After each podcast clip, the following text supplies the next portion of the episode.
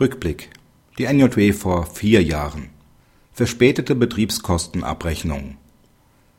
Betriebskosten sind gemäß § 556 Absatz 3 Satz 2 BGB vom Vermieter grundsätzlich innerhalb von zwölf Monaten nach Ablauf des Abrechnungszeitraums abzurechnen.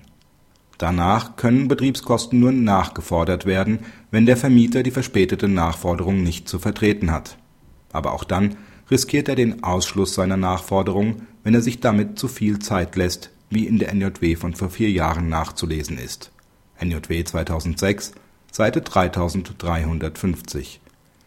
Im konkreten Fall hatte der Vermieter nach Wegfall eines Abrechnungshindernisses nahezu zehn Monate mit einer Betriebskostennachforderung zugewartet. Das war dem BgH zu zögerlich ist dem Vermieter aus Gründen, die er nicht zu vertreten hat, eine Betriebskostenabrechnung innerhalb der Frist des § 556 Absatz 3 Satz 2 BGB nicht möglich, dann hat er die Abrechnung spätestens drei Monate nach Wegfall des Abrechnungshindernisses nachzuholen.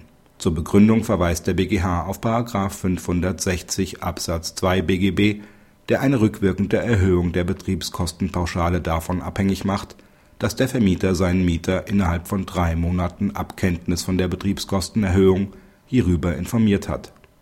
In diesem Heft ist ein Urteil des BgH veröffentlicht, das sich mit der formell richtigen Betriebskostenabrechnung im Mischobjekt auseinandersetzt (NJW 2010, Seite 3363). Zwischen den Parteien war unter anderem streitig, ob bei einem teils gewerblich, teils zu Wohnzwecken genutzten Gebäude der Vorwegabzug für die gewerbliche Nutzung zu den an eine Betriebskostenabrechnung zu stellenden Mindestanforderungen gehört. Der achte Zivilsenat verneint dies selbst dann, wenn durch die gewerbliche Nutzung ein erheblicher Mehrverbrauch verursacht wird